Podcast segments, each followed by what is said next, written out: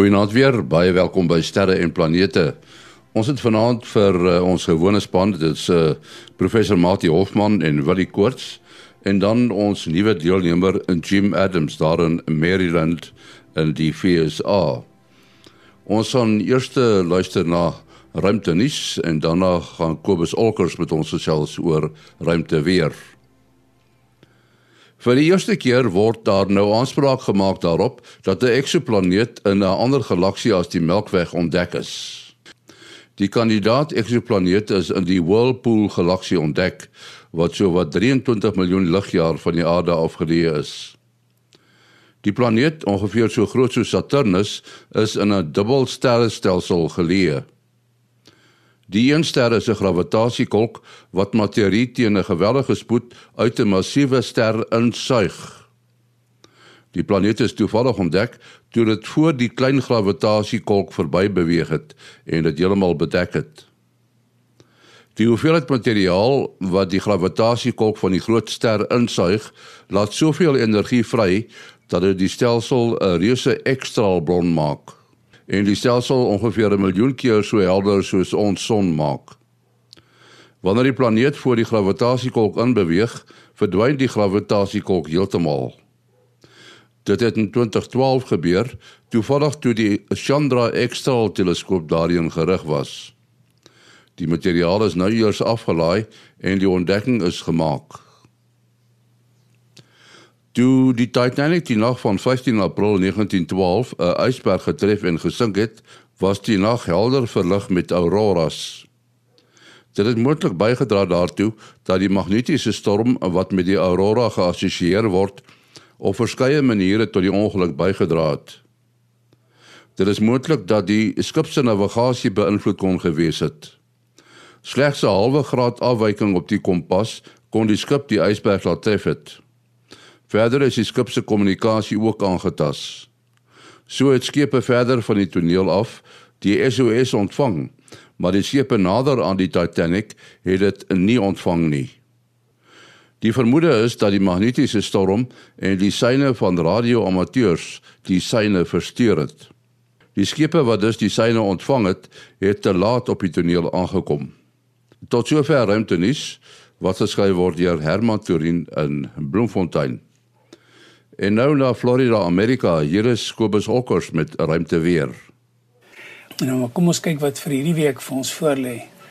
Die eerste ding het is is die uh baie groot magnetiese area aan die noordelike halfronde van die son wat uh pragtig mooi gelyk het op hierdie stadium uh op enige ekstra foto en selfs mens kon dit met sonteleskope raak sien. Hy is nou besig om om af te roteer van die son se skuif af op die regterkant. En ehm um, as 'n mens by een van hierdie uh, webwerwe kan uitkom wat wat die mooi ekstra foto's wys, kan 'n mens baie mooi die koepel sien so die rand van die son.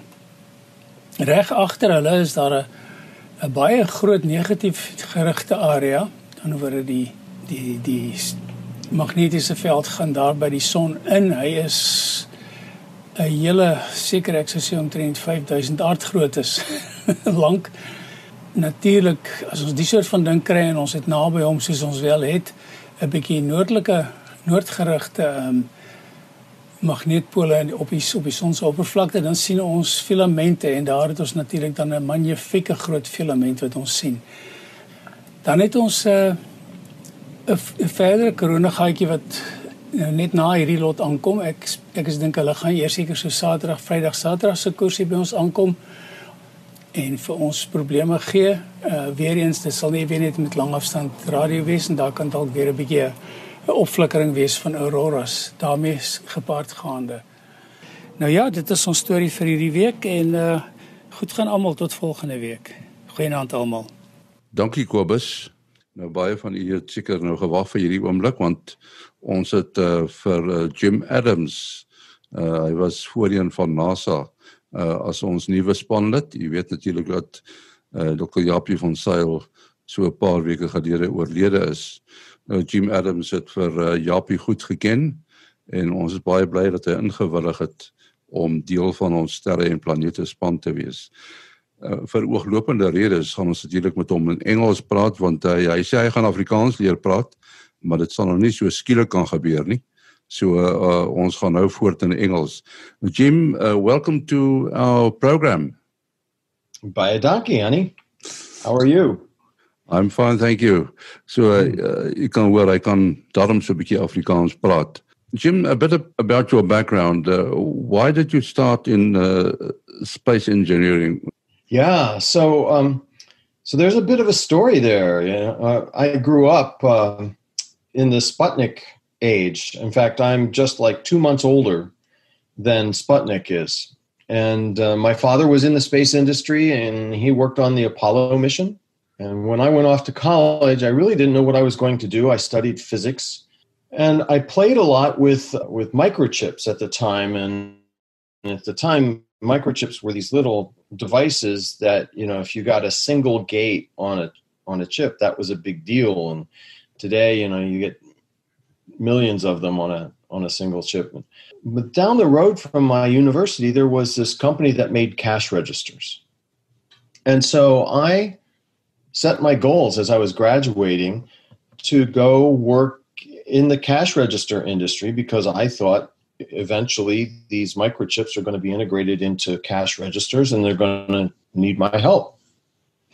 And so I um, I went and I interviewed and I didn't get the job and I learned later that the cash register company had the same vision that they were going to go electronic um, but they were hiring electrical engineers and electronic engineers and not physicists.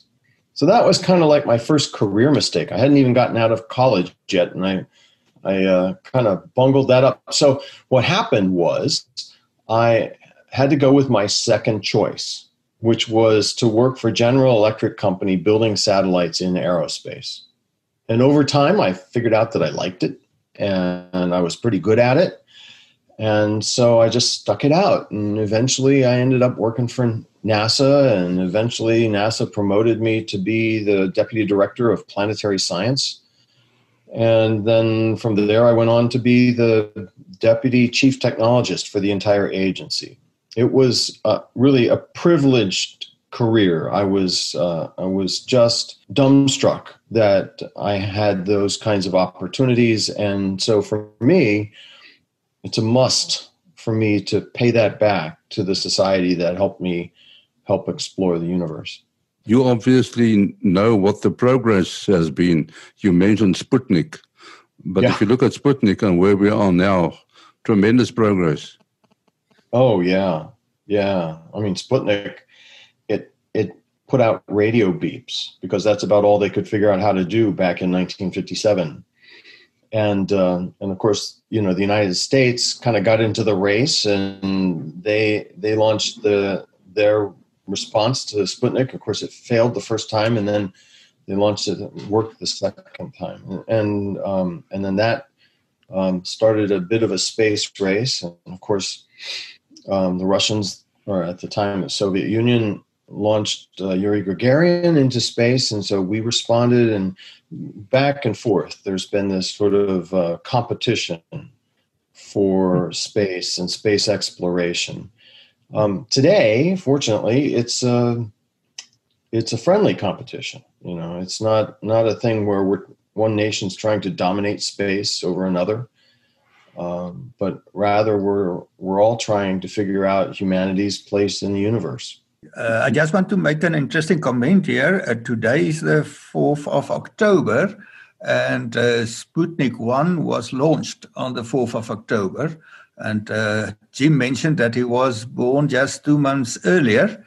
Uh, but uh, being the 4th of October, today is also the start of World Space Week, uh, which is from the 4th of 10th, 4th to the 10th of October uh, each year. And it starts on the 4th precisely because that's when the space age started with the launch of Sputnik 1 and uh, this is a very big, actually the largest space event on on Earth. And uh, I read here that they had more than eight thousand events worldwide uh, last year. We also made our small contributions here in South Africa, and this week will once again be the case uh, with quite a number of uh, events all over South Africa.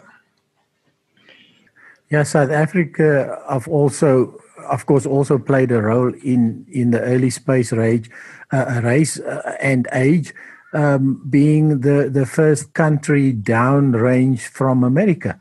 So uh, the the old um, so-called Moonwatch. Uh, I mean, in the beginning, the, the satellites and the orbital, orbital engineering was actually so bad that in order to to get something into a specific orbit, orbit was was a lot of hit and miss in the beginning. It seems like so um, they used to set up the, this what's called an optical fence. There's a lot of people, fifteen or so people manning each manning uh, basically a monocular, a, a, a little spotting scope.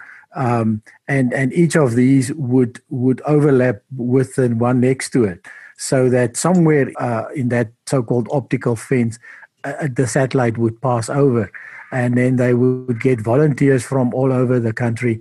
Um, they would then get a telegraph. Well, in those days, it, it would have been a telex from overseas saying that a launch has happened. Uh, people would then go to their specific uh, stations, go and man them, and then when the satellite passes over, uh, somebody would see it normally more than one telescope and then they would record the exact time of the passing. And so the orbital mechanics was refined. Uh, and of course the launch of sputnik 1 a lot of people's imagination was was suddenly grasped with this they could pick the, this radio beep up on on their little shortwave uh, receivers which is the same receivers they pick up the, the normal radio stations. So it was a it was a good frequency to pick, and um, yeah, so uh, amazing amazing stuff that even South Africa played a role in the early space age, being being downrange from America when when when when they launched from there. And continuing that, there was. Uh, uh, a large antenna, I think it was 26 meters across, um, erected in Hartebeesthoek Yes. And um, and today it's been decommissioned for NASA work, but it's uh, used as a radio telescope at the exactly at the SANSA facility there. Yeah. Part of our group. That's correct. Yes. Yeah. yeah. That antenna um, was important uh, even for some of my missions that I launched in the 90s.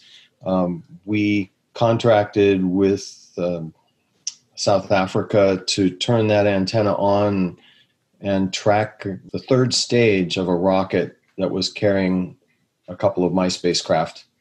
Uh, I think that was in 90, yeah, it was in 94. You, you mentioned a, a few uh, spacecraft that you were involved with. Which for you was the most interesting one? Well, I have to say that um, my favorite is Juno, which is at Jupiter and it also has a connection to South Africa. But you know, I've been involved in over 26. I lost count. 26 missions. It, by the time I retired, it might have been 30. And so, but Juno at Jupiter was special, and you know, it had to do an Earth flyby, and it's so we launch it, go out, and then it comes back down towards the Earth to get a little bit of extra uh, velocity on its way out to Jupiter. And when it did that, its closest approach was over South Africa. And so we turned that into a bit of an event as well, sending Morse code signals down and getting the, the amateur radio operators in South Africa to try and listen for it more recently has been in the news. One of the missions that I really liked as well is a sample return mission called OSIRIS REx. Talk us through that. So, OSIRIS REx is the mission that uh, will return a sample from a carbonaceous asteroid. It's a very special kind of asteroid. Um, it's very difficult to bring a sample back to Earth. So, OSIRIS REx was launched in 2017. It also did a an Earth gravity assist to get out to the asteroid. That um, it's called a near Earth asteroid, so it's not in the asteroid belt, but it's in a, in a kind of an orbit close to the Earth. And it's been at the asteroid named Bennu for several years now, and it will um, next month touch down temporarily and basically vacuum up some of the regolith on the surface of this asteroid put it in a container, and then come back to Earth and drop it off. And we will pick it up and we will have pristine samples of asteroids taken from deep space. Uh, it's an important mission because it'll tell us a lot about this class of asteroid, and, and it won't have been through the rigors of becoming a meteor and a meteorite and having to be picked up off the ground and that sort of thing. And it'll have been put into a container and then we'll pick it up um, in its original condition. Uh, why did you specifically choose that asteroid? Well, uh, well, first off, it was one we could get to easily. and and there's a you know whenever NASA goes to a target, uh, especially like at Mars, picking the exact destination is really, really important. So we start with targets we can reach. And then the next thing we do is we filter that by scientific importance. If we were going to an asteroid that was mostly basalt, we probably uh, it would rank lower than getting to an asteroid that is carbonaceous. So that's what we did, and then then there's some other parameters like orbital mechanics and, and that sort of thing that enable us to whittle the field down.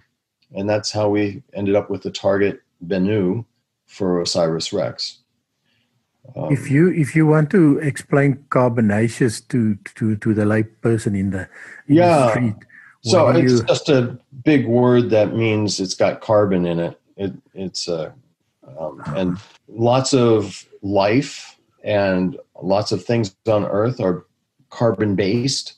And so, understanding these rocks floating around in space and where they came from and where they're going um, that have carbon in them, how maybe they formed even, um, would be extremely important for us to understand science questions here on Earth. Uh, yeah, I'm a bit curious. Uh, uh, Jim had been involved with so many space missions.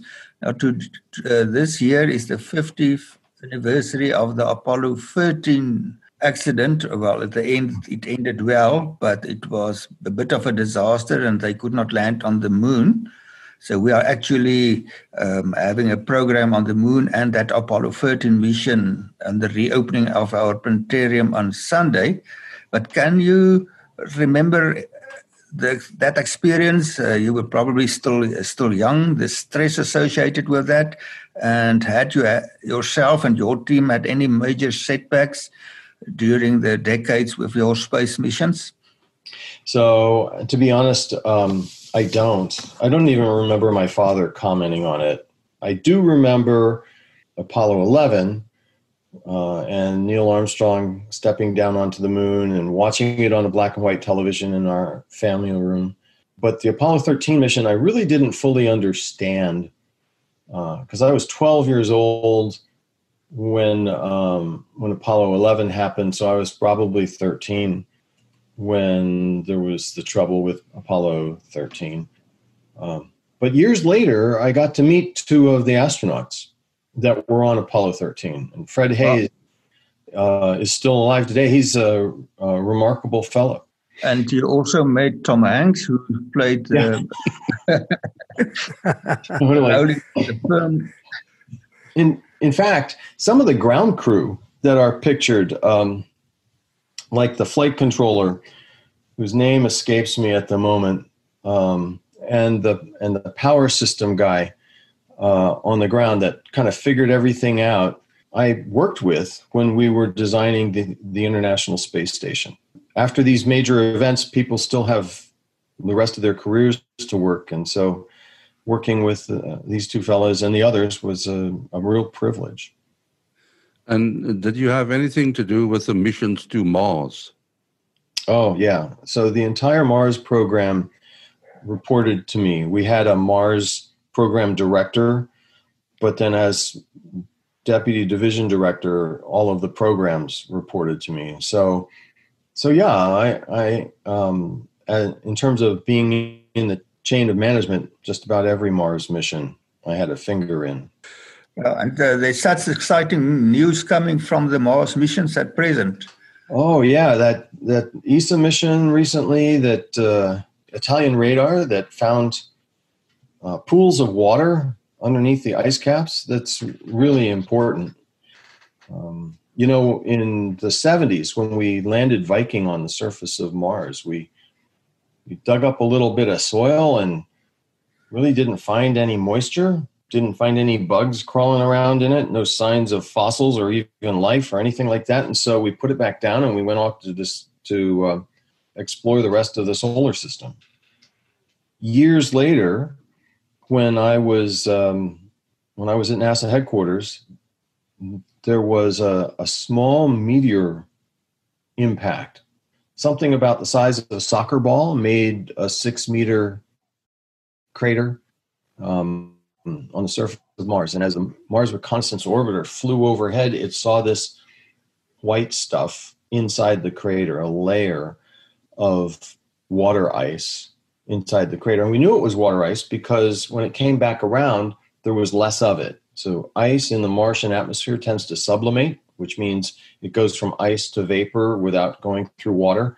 And, and so we knew it was ice. We did some spectroscopy on it, and, um, and we figured out it was ice. It turns out that impact was in the same region that Viking had landed. And if Viking had just dug down three more centimeters, it would have changed the way NASA explored the solar system. We would have found ice. And so now uh, we know what to look for. And we're finding signs of water, either present or historical, um, nearly everywhere. And, and I'm not just talking about Mars, I'm talking about you know Europa and Enceladus, and um, even on the dark side of Mercury, we're finding signs of water. So it it's a remarkable thing, and as as many astrobiologists point out, on Earth, wherever you find water, you find life, and so there's a lot of people that are, expecting that maybe we might find life beyond Earth by following the water. Jim, while we are talking about Mars and uh, uh, observations of Mars, uh, less well known fact is that the first ever color photo of Mars through a telescope was taken through the Lamont Hussey 27 inch telescope from Bloemfontein oh. in South Africa on Naval Hill by Earls Slipher during a National Geographic expedition now, Earl Slipher became one of the Mars experts, and they used him, his knowledge, to plan the first missions to Mars. Uh, I think that was probably in the, the 1960s, around 1960, uh, 1964. So we are proud of that bit of history that is uh, features in the, uh, the Boyden Observ- uh, Observatory Museum, uh, another observatory near Bloemfontein. I'm not sure whether you visited there when you were here. My colleague David van Jaarsveld has an exhibit there on the Circle of Mars. And actually, we have another telescope there, the 13 inch telescope, that originally came from America, from Harvard College Observatory. And in May 1888, the first ever photo of Mars was taken through that telescope, which is now still here near Bloemfontein.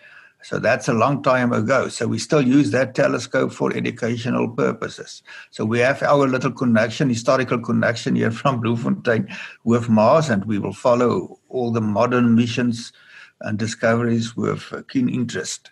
Yeah. So when I visited with you, Matie, I did not get out to the planetarium or well to the uh, observatory at Naval Hill. I was in your planetarium, and that was a special treat. We talked about Pluto, I believe.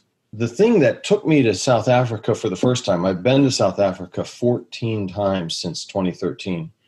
The thing that took me there was to begin to work with what was at the time your Department of Science and Technology on the emplacement of a telescope uh, on the plateau in Sutherland to hunt for asteroids it just led to this wonderful relationship between myself and and your country.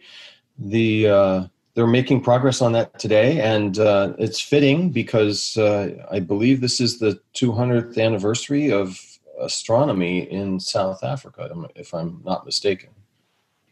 Exactly, yes. And I happen to be involved in that telescope again. And in fact, there was a lot of flurry of emails this morning, and we had a Zoom meeting about it. So it's amazing how the wheel just continues and and and goes around and around. Amazing stuff. One of the reasons we we chose to put that telescope in South Africa was because of the history and the skill of astronomy um, that you know goes back to the 1800s. Yes, and of course Nick uh, um, Erasmus, who uh, Henny interviewed last week, uh, who's now discovered the comet, is yeah. the other person involved in that telescope, and you know each other as well. Amazing. Yeah, we do. I funded him to uh, come and participate in a summer program out at the Ames Research Center with the uh, SETI Institute and and experiment on using AIs to find asteroids. You mentioned the SETI. Is, is SETI still on the go? Uh, yeah, they're morphing. I, I'm I really don't know that much about what exactly they're doing, but uh, you know, their original idea was through using radio astronomy that maybe they could detect signals of life elsewhere in the universe. Um, I believe they're still searching, but in the meantime, they've attracted enough really, you know, world class scientists uh, that they're doing other things as well. But it's all related to trying to find life beyond Earth. Right. I think we have to uh, close down. Time has caught up with us.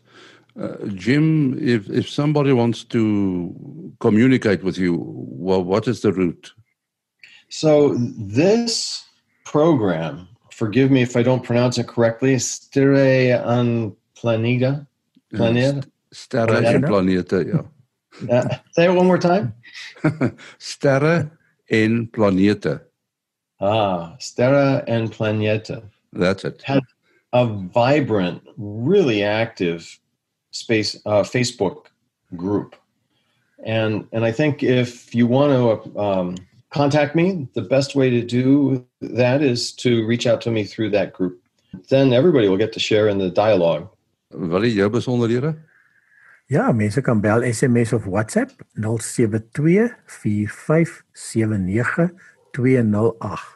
0724579208.